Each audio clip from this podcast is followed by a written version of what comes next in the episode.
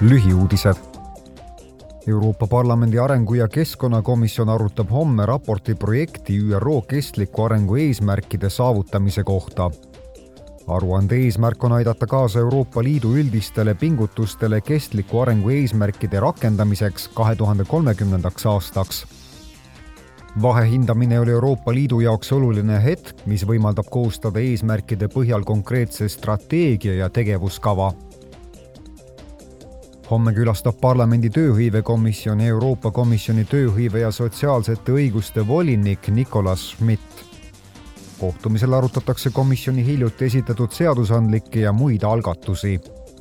algatuste keskmes on Euroopa oskuste aasta, noorte töötus, sotsiaalkindlustuspass, sotsiaalmajanduse raamistik, lastegarantii ning Euroopa Liidu töötervishoiu ja tööohutuse strateegilise raamistiku rakendamine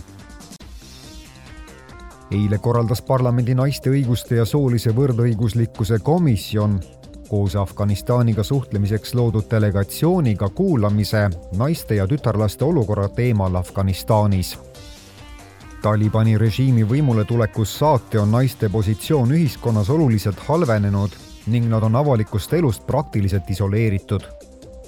samuti on neil keelatud saada haridust või pääseda ligi tervishoiuteenustele suurenenud on ka väärkohtlemise ja alaealiste tütarlaste sundabielude oht